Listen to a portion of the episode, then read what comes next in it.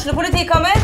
Ine Jansen er purk. Er du purk? The motherfucking bitch. Alt jeg vil, er å finne ut hva som skjedde med mannen min. Jon Carew. Er jeg sikta for noe? Iben Akeli. Det er du. Ole So, Lars Berrum og Big Daddy Karsten. Hvem sin side er du på, egentlig? Anette Hoff, Tone Danielsen, Kommer du fra Afrika?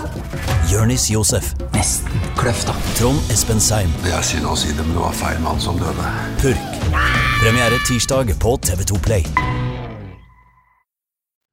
Hei, velkommen til en ny episode av Debrif med Dag Sørås.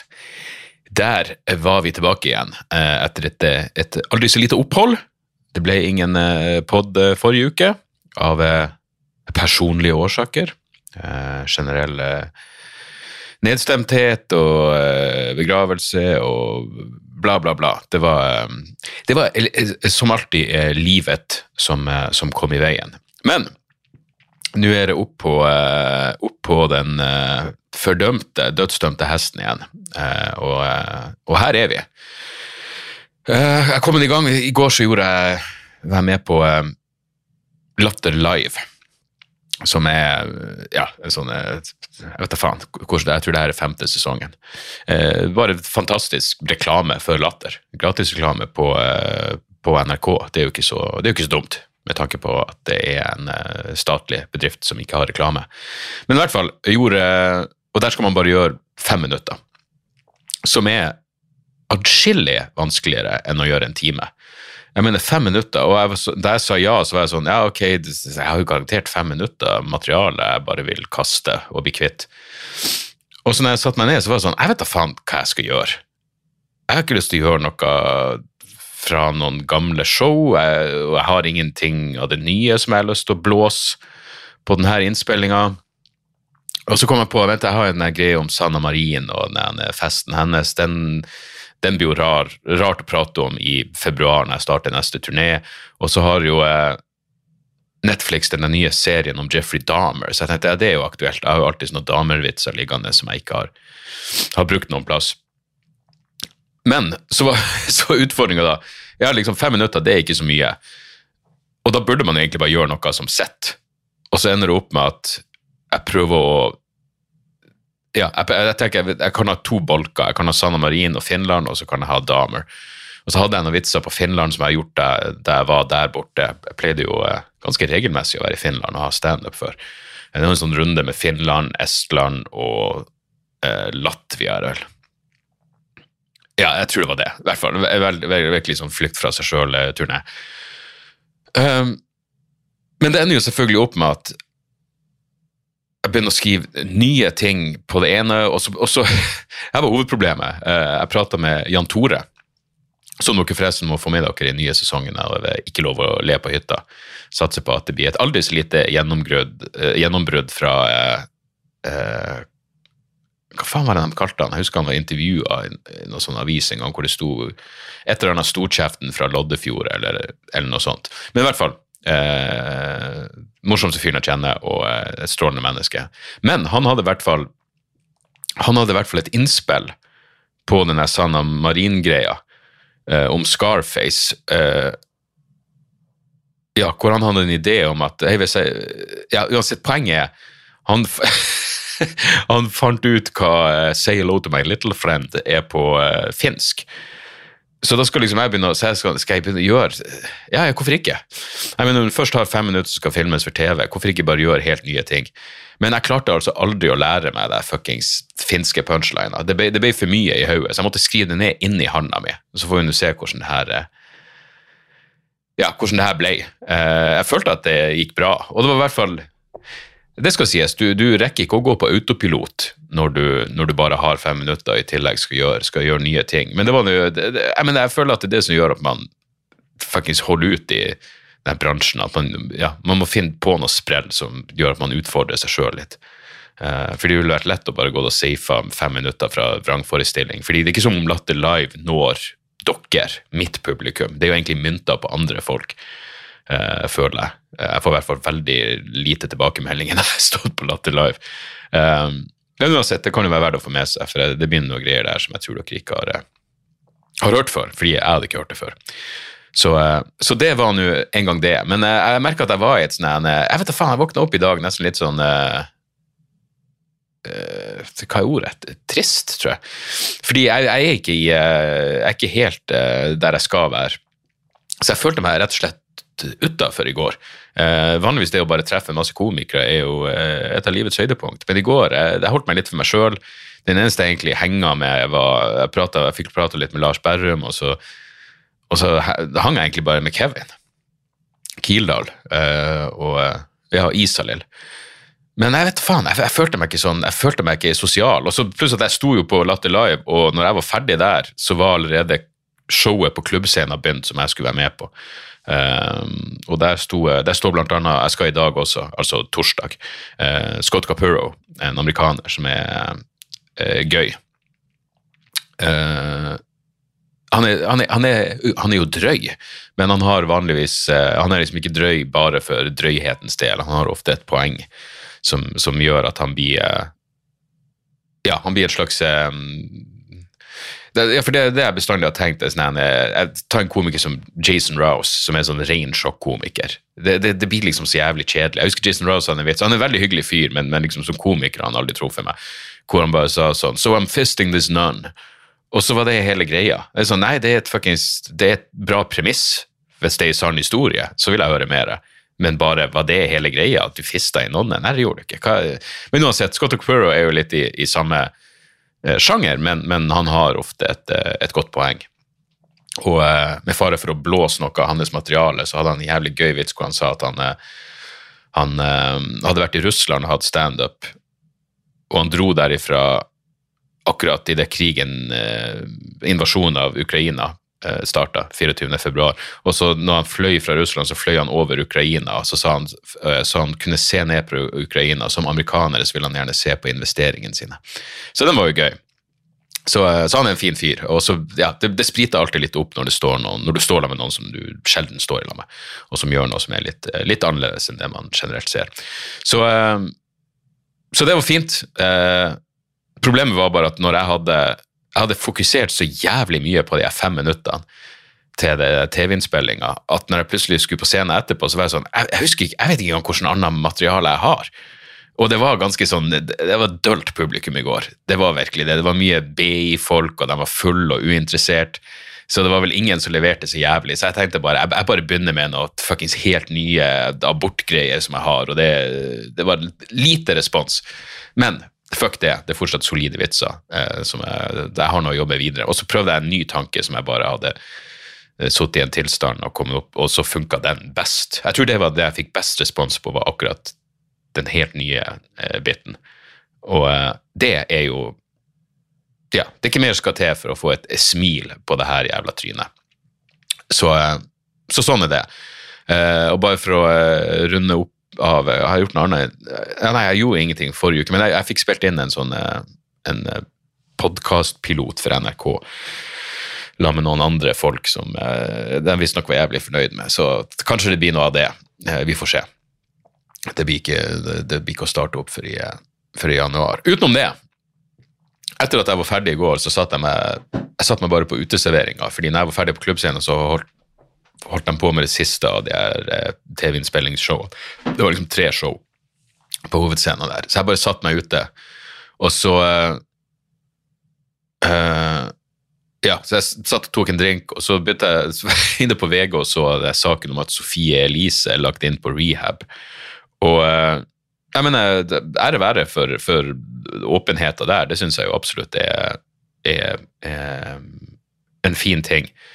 Men det var én ting jeg stussa på, fordi hun er, hun er visstnok blitt eh, Eller visstnok, hun sier nå at hun har blitt avhengig av eh, Avhengig av eh, Sanor, som er den angstmedisinen som jeg gikk på da jeg sleit for ja, Hvor lenge blir, det siden nå? Rundt tolv år siden. Um, og jeg, jeg krediterer oppriktig Sanor med å fuckings berga livet mitt. Jeg mener, det, det ga meg en sånn eh, ja, Det her jeg prata om mange ganger før, men, men når du sliter med panikkangst så, så jeg mener, et panikkanfall er ja, det er noe av det jævligste jeg kan forestille meg. Men når du tar Sanor, så får du får et sånn jævla pusterom. Jeg husker at jeg tenkte bestandig sånn, ok, så jeg får et panikkanfall, jeg, jeg, jeg går fra normaltilstand til å være i det som bokstavelig talt føles som helvete. Og når du da tar Sanoren, etter en halvtime så forsvinner angsten, og det gjorde at jeg fikk et sånn jeg fikk et rasjonelt forhold til min egen, mine egne irrasjonelle anfall. Um, så det ga meg et, et, pusterom, og det hjalp meg å bli kvitt angsten. Jeg, mener, jeg, jeg, jeg tror ikke jeg hadde klart å bli, bli kvitt panikkangsten på egen hånd uten Sanor. Um, men det, du kan ikke bare ta Sanor og så ordne alt seg, du må faktisk jobbe med deg sjøl, og det gjorde jeg. Men, men Sanoren ga meg, ga meg eh, liksom eh, pusterom til å gå i meg sjøl og finne ut hvorfor jeg, hvorfor jeg hadde utvikla dette problemet. Så, så, ja, så, så, poenget mitt er bare at Men Sanor gjør jo ingenting annet. Det jeg stusser på, fordi Sofie Elise sier, nei, nei, i hvert fall, hun er i hvert fall sitert i VG som å si at hun tok Sanor, så ble alt vakrere. Og da lurer jeg virkelig på hvilken fuckings dose er det hun tar? Uh, og det syns jeg folk burde prate om. Hvis det er som du har et problem, hvor mye tar du egentlig? Eh, jeg vet dere Standup har sagt det om når det er sånne kjendiser som dør av piller. så er det sånn, Si nå hva, de tok, og hvor mye. Eh, hvis du tok en overdose, fortell så folk kan få et, et forhold. Men jeg, jeg, fikk 0, jeg, fikk en lav dose Sanor, jeg tror 0,5 milligram. Men, men hun, Sofie Elise sier i hvert fall at alt blir vakrere, som, som insinuerer at at det har en slags jeg vet ikke, psykedelisk effekt. Det har det jo på ingen måte. Det roer deg jo bare ned. Det hjelper ikke. Og jeg har tatt Sanor når, når, når ja, for, for ikke så lenge siden, når ting bare var eh, jævlig tungt, og det gjør ingenting for å kurere nedstemthet eller noe sånt. Det gjør bare at du blir roligere. Men med alt det sagt, det er ingenting som blir vakrere, er poenget mitt. Uh, men det er klart, hvis du, hvis du er i angsthelvete, så er det jo i høyeste grad Da blir jo alt vakrere bare fordi du blir kvitt den jævla angsten. Så i den forstand. Men det, det blir jo ren semantikk. Um, ja, men, men, uansett, åpenhet om uh, fuckings sånne ting er jo uh, en, en, bra ting. Jeg hadde faktisk uh, Og det er derfor jeg, har bestandig vært fuckings redd uh, pille. Jeg, jeg, husker, jeg vet jeg nevnte det før, men, da, da, men det samme da jeg hadde fått Sanoren første gangen, så husker jeg jeg skulle gjøre den Fringe-festivalen i Edinburgh. Og jeg hadde fortsatt ikke tatt Sanoren, men så nevnte jeg det til en svensk komiker, og han var sånn 'Har du Sanor? Da må vi knuse den og snorte det.' Og jeg bare 'Nei, nei, ikke faen. Det er faktisk medisin jeg hjelper med.' Så jeg bestandig hatt en, en, respekt for Ja, jeg har aldri hatt et trivielt forhold til Sanor, aldri misbrukt det. Men uh, i forrige uke, var det vel, uh, så, så, var jeg så jævla Ja, jeg, jeg slet med å sove, så jeg, så jeg tok en Still Noct. Uh, og Still Noct er også en sånn ting som jeg, Det er jo sovemedisin som jeg fikk uh, mens jeg, var, jeg venta på å få sånn uh, CPAP uh, søvnapnémaskin. Uh, så, så, fikk jeg Still Noct, og det viste seg jo egentlig å være livsfarlig. Man burde jo ikke få sovemedisin når man har pustestans mens man sover. Det, det kunne jo fuckings daua. Men i hvert fall, jeg tok en Still Noct, og så jeg lå på sofaen og så på et eller annet, og så tenkte jeg ja, jeg vet at det er ca. en halvtime før de slår inn. Og så, så, glemte jeg meg litt av, og du blir jo faen meg helt i fuckings koma. Vet du, jeg sovna med For det første, jeg husker ikke at jeg la meg. Men jeg har jo denne sove, CPAP-sovemaska på meg. Jeg hadde, jeg hadde, brillene på meg da jeg la meg, og jeg hadde bare tatt maska som, altså, som fester seg hardt rundt trynet, over brillene. Så da jeg våkna opp, så trodde jeg jeg var blitt fuckings blind. Jeg trodde jeg, jeg, jeg, jeg tenkte sånn, drakk jeg fuckings forgifta etanol i går. Hva faen? Altså, jeg, for jeg våkner selvfølgelig opp med gjennomdugga briller pga. at jeg har den sovemaska. Så duggene bare briller, brillene dugga seg så inn i helvete. At jeg våkna opp og trodde at jeg hadde mista synet. Eller at jeg, at jeg, bare så fuckings uh, og det tok lang tid, for jeg er groggy på morgenen i tillegg, og du blir jo groggy av deg fuckings sovemedisin. Det er vel et etablert faktum at du ikke sover. Altså, du svimer jo av, men du, du sover jo ikke godt i forhold til liksom, hvor godt du blir uthvilt etterpå. Eh, men det er jo bedre enn alternativet, som er altså, å bare ligge og vri seg hele natta. Men, eh, men, helvete, det var tross alt en lettelse når jeg da fikk av meg brillene og skjønte at eh, Nei, jeg ser bare dårlig, men jeg har fortsatt det. det jeg har fortsatt minus 350 og minus 275, ikke minus 10 på begge øyne. Så, eh, så det var nå eh, det. det. Ellers, eh, på nyhetsfronten så var det jo ikke akkurat Jeg ble ikke sjokka. Det var egentlig som forventa, men det er alltid trist å få det bekrefta, da Carl I. Hagen gikk ut og forsvarte de såkalte, såkalte folkeavstemningen i Donetsk og Luhansk i Ukraina. Det er vel det som er Er det ikke det som er Donbas-regionen? Der, de har, der, folk har stemt med en gunner mot hodet. Som en annen enn moderne demokrati, hvor uh, ja, hvis du har en pistol mot hodet, så er den mer metaforisk i forhold til mangel på valgfrihet. Mens, uh, mens her var det bokstavelig talt pistoler mot hodet. Men Carl I. Hagen var jo da ute, og uh, ja, nå har jeg ikke foran meg hva han hva det var han skrev, men han skrev i hvert fall at vi må høre på det ukrainske folk. Og eh, åh, Nå slo jeg opp Carl I. Hagen. Jeg trodde jeg hadde han som Facebook-venn, det kommer bare opp stå på Carl I. Hagen i gruppe. Vi trenger Carl I. Hagen i Frp, Norge først. Og så kommer det opp Vi Norge, vi i Bodø som hater sykkeltyver. Det er tydeligvis linka opp mot Carl I. Hagen på et eller annet vis. Carl I. Hagen is my hero, I love Carl. Jesus, Carl Berner, det var hyggelig. Carl I. Hagen som ny ordfører i Oslo. Helvete, det er mye Carl I. Hagen-gruppe. Uh, men uansett, Carl I. Hagen han gikk ut og, uh, og støtta uh, essensielt Putin og okkupasjonsmakta. og jeg lurer også på om ikke Carl I. Hagen faktisk hadde ei valgvake på Gran Canaria. han kommenterer jo på alt.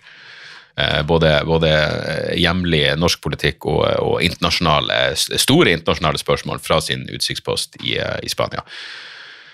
Så eh, nå er jo sånn som det skal være. Men det er fortsatt noe veldig fascinerende med alle de folkene som ser ut til å innbille seg at de tenker fritt, og så ender de bare opp med Hvorfor, hvorfor folk på høyresida skulle ende opp med å støtte Putin? Jeg mener, ja, vi, vi så jo det i den strømdebatten, eh, når eh, både da, da, ytre høyre og ytre venstre fant hverandre i et, et, i et herlig jævla tungekyss, når både Bjørnar Moxnes og Sylvi Listhaug var lei over at uh, man la skylda på Putin uh, for, uh, for energiutfordringen i Norge. Um, så ja. Ja, nei, Karl Ivar mener vi må høre på, på ukrainerne. Det, er klart at Det overveldende flertallet av ukrainerne vil ha russerne ut av landet sitt, men uh, igjen, det her kan jo Karl Ivar overse fra uh, sin utsiktspost i, uh, i varmere strøk. Jeg stusset også på Klassekampen hadde en leder hvor de skrev at 150 000 russere har kjempa i krigen, og så sto det 'mange har mista livet'. Og de her anslagene er jo vanskelig å forholde seg til, men, men, det siste jeg hørte Støre si som et offisielt tall, var anslagsvis opp mot 100 000 russere har daua. Og da tenkte jeg ok, det er mulig det er sterkt overdrevet, men uansett, hvis Klassekampen sier 150 000 har kjempa, og anslaget er 100 000 har daua, så er jo ikke det mange som har mista livet. Jeg mener, mange. To tredjedeler er hakket mer enn mange, er det ikke det? Det kalles vel et overveldende flertall.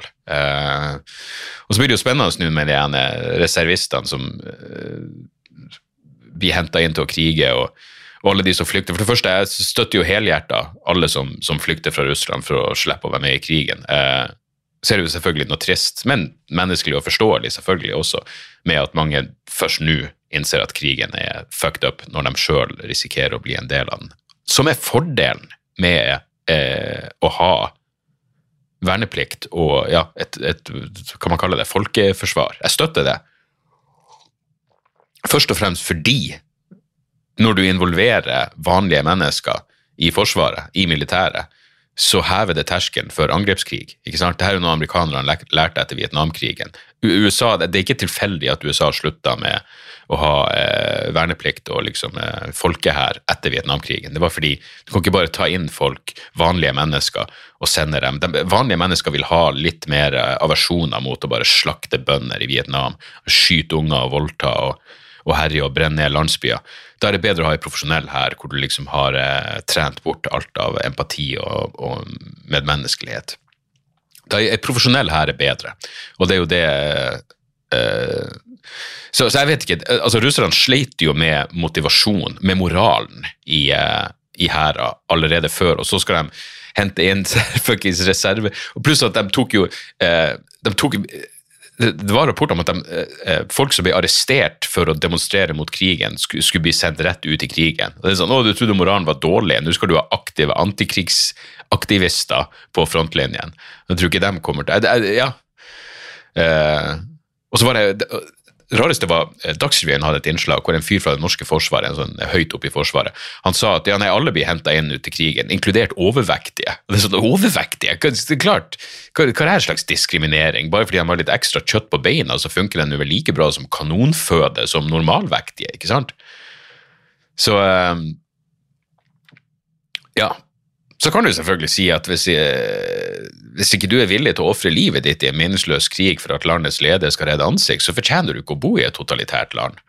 Og da kan du komme deg til helvete ut. Jeg skjønner jo godt når eh, Jeg, jeg husker ikke om det var, var det Wagner-gruppa, den private skyggehæra til, til Putin, eller var det det vanlige russiske eh, eh, forsvaret som gikk inn i fengsel for å rekruttere Eh, soldater. Det er jo all verdens mening. Gå inn i fengsel og rekruttere drapsmenn til krigen. Det er, jeg mener, få, få folk som har sittet inne for privatiserte drap til å drepe i offentlig sektor, det gir jo, eh, det gir jo full mening. Så det, det syns jeg bare ga eh, det, det, Den taktikken eh, motbeviser jo den galemannsteorien eh, om Putin. Selv om det er jo noe i eh, det er jo noe i denne ideen om at det er bra å fremstå som, uh, som sinnssyk. Det husker jeg skrev om i, uh, i, uh, i masteroppgaven min. at Hva faen var det? Det var under Clinton. hva, hva det heter Jeg tror det heter Clinton Nuclear Posture Review. Det var et sånn et, et, et, et, skriv fra forsvarsdepartementet i USA om eh, bruk av atomvåpen. Eh, men uansett, det her var sånn som lekka Jeg tror egentlig ikke det skulle være offentlig. og så var det noe sånn, For USA har det Freedom of Information Act som gjør at du kan søke om å eh, få offentlig, innsyn i offentlige dokument. Men i hvert fall der, der var, sånn som jeg husker det, så var det i hvert fall en av de tingene som Clinton-administrasjonen ville, var at det var bra for USA å fremstå som irrasjonell og psykotisk og hevngjerrig. Eh, og også være åpen for å gå til angrep på land uten atomvåpen med atomvåpen. Altså bruke atomvåpen mot land som ikke har atomvåpen. Eh, angrepskrig mot eh, med, med, atomvåpen. Og, og, og, alt det her faller jo inn under den ideen om at eh, ja, det var vel Nixon som også hadde den eh, Madman-teorien om at det er faktisk bra hvis fienden tror at du er sinnssyk, for da er det vanskelig å forutse hva du kommer til å gjøre. Uh, og det faller vel inn under den uh, sabotasjen mot de gassledningene nå, hvor det, ja, det vil jeg Gazprom eier vel noen av de ene gasskablene, og hvorfor skulle russerne angripe det? Men det ville være nok en gang denne ideen om at hei, jeg fremstår som fucking sinnssyk, uh, og så får vi bare håpe Håpe at han at, at godeste Vladimir ikke er akkurat det. uansett, ja, det var eh, Det var vel det var vel det, tror jeg. Jo, la meg legge til én ting. Jeg, har sett nå flere ganger, eh, ikke så mye i media, men på Twitter, at eh, Sian, Stopp islamisering av Norge, har hatt demonstrasjoner rundt omkring med minimale motdemonstrasjoner. Noen plasser er det ingen som har møtt opp. Jeg tror det var i Bodø, det var ingen som møtte opp for å demonstrere mot Sian. Og det er jo det her jeg fuckings, og mange med meg, men jeg husker jeg skrev en artikkel om det her for, for i Tromsø at det er måten du fuckings gjør dem så irrelevante som de egentlig er på, er ved å bare ignorere dem. Og så nå gjør fuckings folk det. Det, det, det. det, er så nydelig å se uh, hvor trist og impotent det de foretar seg, faktisk er, når de ikke får de reaksjonene uh, de håper på. Så, så kudos til alle som omsider har innsett at hei, det å møte opp og gå til fysisk angrep på de tankedumme dildoene, det er ikke en fuckings god idé. Så, eh, så der går det, i det minste, fuckings, uh, fuckings uh, fremover. Uh, og, og, amen for det. så blir det slutt på lærerstreiken nå. tvungen lønnsnemnd. Jeg må si, alle liksom sympati for, for lærerne i streiken. Det, det, det, man får jo innprinta det med sosialdemokratiet at uh, ja, at det er en fundamental og sinnssykt viktig uh, rettighet. Men jeg må si med det sagt, helvete, Mimi Kristiansson provoserte meg. Og uh, igjen, jeg vet jo her at det er at det er fuckings eh, Hvordan enn VG velger å vinkle det her. Men Mimi var lei av foreldre som sutrer under lærerstreiken. Og det er Det går da an, selv om du er Rødt-politiker, skulle jeg tro å ha to tanker i hodet samtidig. Eh, og det er ikke sutring. Um, jeg mener, Går det an å være så ideologisk forblinda og totalt taktløs? Men det som provoserte meg, var at det sto i artikkelen Mimir har selv barn. Ja, i barnehagealder. Jeg er ganske sikker på at Mimi Kristiansson ikke har barn som går, i hvert fall ikke unger som går på ungdomsskole eller videregående, var de som var ramma av streiken. Han har unger i barnehagen, så det er fuckings irrelevant, men det er lagt frem som om det har noen form for relevans for at ja, nei, nei, når jeg kritiserer foreldre som sutrer, så er jeg en foreldre sjøl. Så det er ikke som om jeg ikke vet hvordan eh, Du har unger i barnehage, for faen. Og du jobber på Stortinget. Det var noe som provoserte meg inn i helvete der. Til tross for at jeg liker Mimir eh, som person, eh, ikke nødvendigvis ideologisk. Eh, ja. Jeg tror det var eh, Jeg tror det var det eh, Var det noe mer jeg hadde lyst til Jo, du, jeg, faen, altså. Jeg drev og hørte den her. Det her får gå inn under eh, det her får gå inn under eh, et av tipsene. Jeg hørte på den podkasten som heter Gåten Jan Helge Andersen, om den skyldige i Baneheia-drapene. Og det er faen meg Jeg mener, Bjørn Olav Jahr, all kudos til, til, den, til den mannen. Men det er nesten så jeg, jeg Når han legger frem alt det fuckings syke som har foregått Altså, det er en ting med justismordet mot Viggo Kristiansen. Det er én ting. På den andre sida, så det her må være unikt, fordi det nesten har vært ei glorifisering av Jan Helge Andersen eh, av media, og særlig VG. Altså, det er noen virkelig sinnssyke eksempler. Jeg mener, hør på, det er fire episoder ute. Jeg tror kanskje det kommer noen flere, men eh, det er virkelig verdt å høre. Både, fordi det her, det her fokuserer på Jan Helge Andersen, som er, som er uh, ja, som er den viktigste delen av, av hele det her, men altså hvordan han har hvordan de bare kan gå fra å si at han har fotografisk hukommelse, til at nå når han blir konfrontert i 2021 med at det er DNA-en hans på begge på begge likene, så har han plutselig blackout og han husker ingen verdens ting. Det, det er helt sinnssykt, jeg kan ikke skjønne.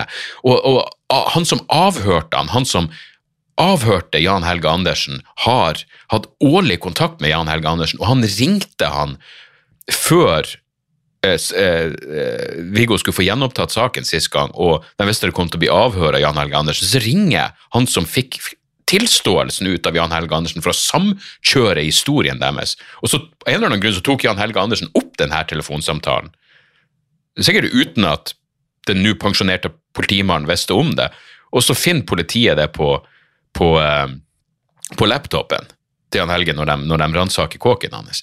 Eh, og at, at de holdt skjult den voldtektsanklagen mot han, eh, den voldtekta som han skal ha utført da han var 15-16 år gammel mot ei 12-13 år gammel jente, det ble holdt skjult. Det der skjedde før Baneheia-drapene. Altså, det er altså så inn i helvete mye Og igjen, jeg kan ikke skjønne at ikke det her skal få rettslige konsekvenser for andre av de involverte. Det er en ting at forsvareren Viggo Kristiansen hadde bare var, var, var, var så inkompetent at det, nesten, det virker nesten kriminelt.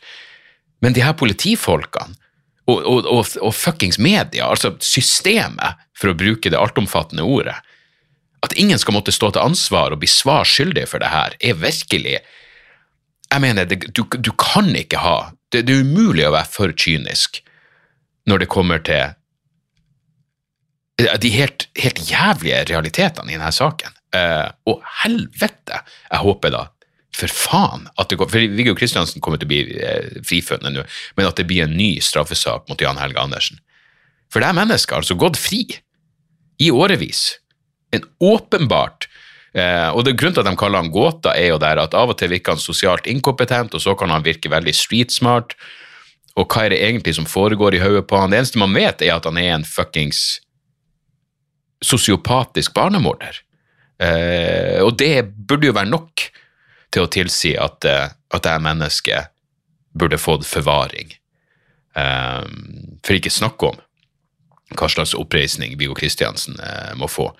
Men altså, ja nei, hør på den podkasten. Det er et eller annet med Justismord er bestandig grusom, men det her er eh, altså det her er på et nytt nivå. For det er en ting med justismord mot et menneske, men det er en annen med ja, jeg vil nesten bruke ordet glorifisering. Eh, ta, naiv tiltro til eh, det som de da innbilte seg var den andre morderen. Å fremstille det her monsteret som et offer, det er faen meg helvete.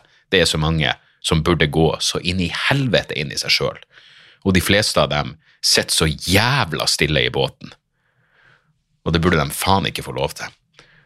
Så, eh, så gåten Jan Helge Andersen eh, anbefales eh, på det varmeste. Så vil jeg også eh, tipse om eh, Det var virkelig et lyspunkt eh, i en tung periode, var det Sam O'Rill, den nye specialen til Sam O'Rill på Netflix, Same Time Tomorrow. Helvete, han er gøy, altså. Han er altså helt fuckings fortreffelig. Eh, jeg digger de to specialene som han hadde ute på YouTube, men jeg syns kanskje det her er ja, jeg, jeg, jeg liker kanskje den her best. Same Time Tomorrow med Sam Morrill. Fuckings strålende. Jævlig bra komiker, virker som en jævlig fin fyr. Um, og eh, ja, gull, rett og slett. Um, og så burde jeg selvfølgelig uh, tipse om den nye Clutch-skiva, eh, Sunrise on Slaughter Beach, men det er nesten en selvfølge. Uh, en selvfølge at jeg kom til å tipse om den, så da vil jeg heller tipse om noe som eh, muligens noen av dere ikke har fått med dere, som er den nye skiva til The Schizophonics eh, fra San Diego, California. Altså, helvete, den heter Huff, Huffit. H-O-O-F. Huffit. Jeg var en stor fan av den, eh, den forrige skiva deres. Eh, men, men altså, det her er altså helvete. Det her er mine favorittskiver i år. Det er altså det, det, det, Jeg vet da faen. Blanding av, av MC5 og The Hives. Jeg mener, Hvis du hører noen av de ene Hva heter den ene låta med Love i tittelen? Skal vi se her uh, Schizo Oh my love When, uh, One Your Love heter den. One Your Love. Sjekk ut låta One Your Love, og fortell meg at ikke det kunne vært en The Hives-låt. Um, nei, det er helt fuckings ah, det, det, det, det er det som gjør rock'n'roll til det beste i verden. Uh, Schizophonics. Fuckings uh, strålende, strålende skive. Uh, og så selvfølgelig, jeg nevnte jo den, uh, den Damer-serien på, uh, på, Netflix. Jeg har sett seks episoder, og jeg så at det var noe kontrovers nå hvor et søstera til et av ofrene eh, kritiserte Netflix. Og det er, jo, jeg mener, det er jo nesten per definisjon forståelig at, at, at, pårørende vil reagere. Men det jeg vil sagt til forsvar for serien, er at jeg syns denne serien altså Da jeg så første episoden For det første, det kommer en serie om Jeffrey Dahmer. En fyr som jeg eh, Ja, jeg leste bøker om han, og, eh, over gjennomsnittet, å si, fascinert av eh, av denne eh, kannibale, nekrofile eh, seriemorderen. Men jeg tenkte jeg skal se første episode uten å gå inn på IMDb, for jeg regna med jeg bare, jeg bare tenkte det her kommer til å være en sånn 5,5 av 10-serie. Eh, liksom. Og så så jeg første episoden, og jeg syntes den var så jævlig sakte. Eh, men jeg, jeg bestemte jeg går fortsatt ikke inn på IMDb, så jeg så en episode til og var sånn Ja, ok, ok, jeg, jeg liker det her. Og når jeg gikk inn på IMDb og så at den Ikke det at IMDb, men det gir deg en slags det gir en slags forventning til noe. Det er Derfor jeg liker IMDb. Um, det, men vanligvis når det kommer til der det kan være helt, hvis, hvis det er en mainstream-film og den ligger på fem, så regner jeg med at den er ikke så veldig bra. Men horrorfilmer, der, jeg, der, der har jeg sett ting som jeg elsker, som, som ligger på en fem-seks. Men uansett, Damer var sist jeg sjekka, så lå den på over åtte.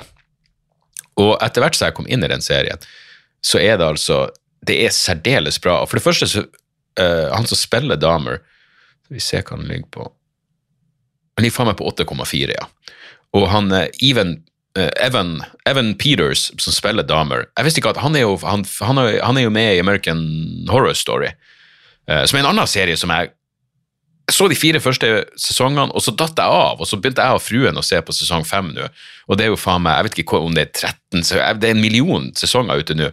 Eh, men det er en, den uh, sesongen med Lady Gaga så, ja, Jeg, var litt ikke klar over at hun var såpass sexy, men det er, faktisk, det er en nydelig scene der hvor Lady Gaga går ned på noen som ikke får den opp. Og, og det, det, det deler av American Horror Story hvor jeg tenker det her er stil over innhold.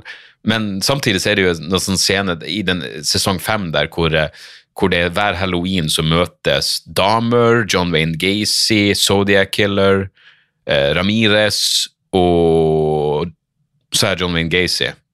Og hun den en eh, Warhees, hun eh, kvinnelige seriemorderen, eh, som den, den monsterfilmen er lagd om.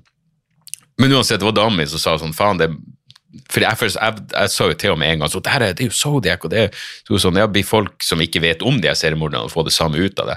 Men uansett, eh, der spiller jo han eh, Evan Peters, han som spiller Damer, han spiller en annen fyr i American Horror Story, mens en annen fyr igjen spiller damer, men nå spiller Evan Peters damer, og han gjør det fantastisk i denne damerserien. Men poenget mitt var bare Jeg skjønner at de etterlatte eh, blir provosert, selvfølgelig, det er jo det, per definisjon, men eh, det, det, det, virker som eh, Altså, denne serien, basert på de seks første episodene, prøver å ha fokus på ofrene um, også. Uh, det er liksom det er, en, det er en, en, episode hvor damer får seg en kjæreste, og ja, de gjør mye for å liksom ja, det, det, er på ingen måte noe, noe, glorifisering. Jeg husker jeg så en film om Ted Bundy som kom på tidlig 2000-tallet, som nesten var en sånn Den var tidvis slapstick-aktig.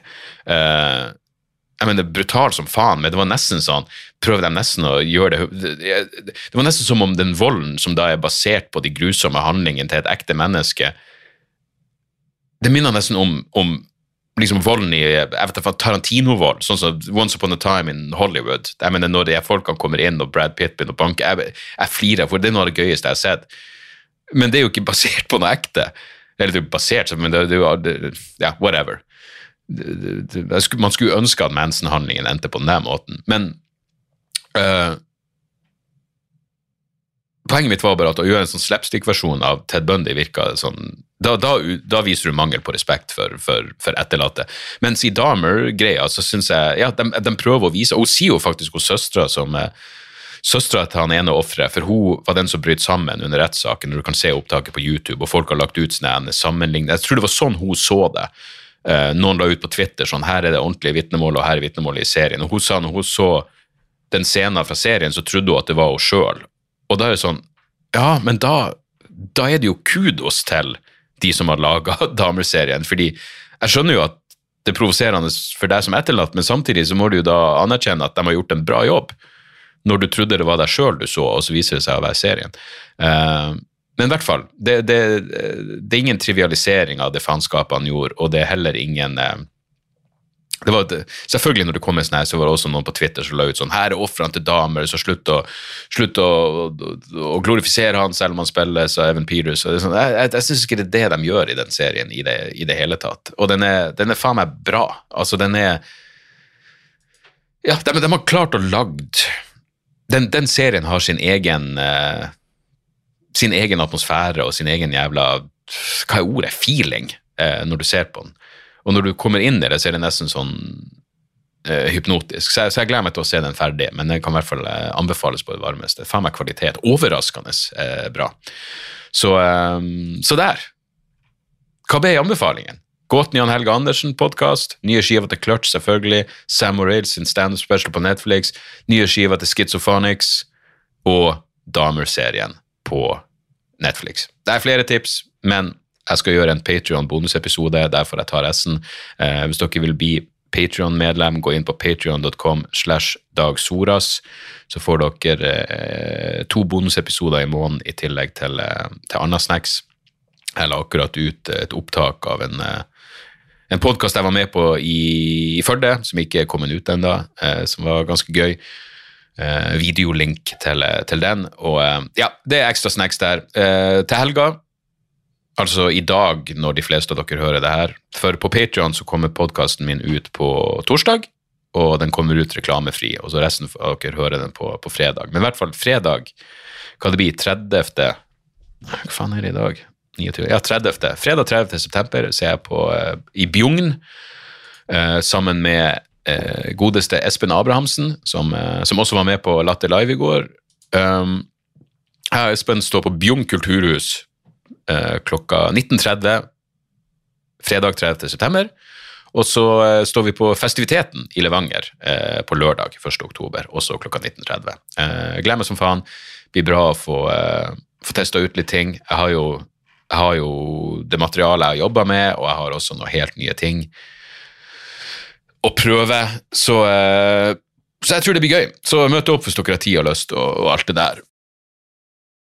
Utenom det, min venn Kristoffer Schjelderup eh, høsta jo strålende kritikker. Han hadde, på pre han hadde premiere på sin nye show. Eh, var det dumt, det? Eh, I Bergen på onsdag. Eh, jævlig gøy å se at, eh, at det har klaffa så bra for han. Så er dere i Bergen, så eh, går jeg bare ut ifra at dere er klar over det. Eh, min venn Hans Magne Skar er på turné med sitt show rett i pennalet. Jeg vet i hvert fall at han skal til Tromsø neste uke, i hvert fall, på Prelaten. Få med dere det. Uansett, jeg babla nok. Vi høres igjen neste uke. Tjo og motherfuckings hei. Moderne media. Har du et enkeltpersonforetak eller en liten bedrift? Da er du sikkert lei av å høre meg snakke om hvor enkelt det er med kvitteringer og bilag i fiken, så vi eh, gir oss her, vi. Fordi vi liker enkelt. Fiken superenkelt regnskap.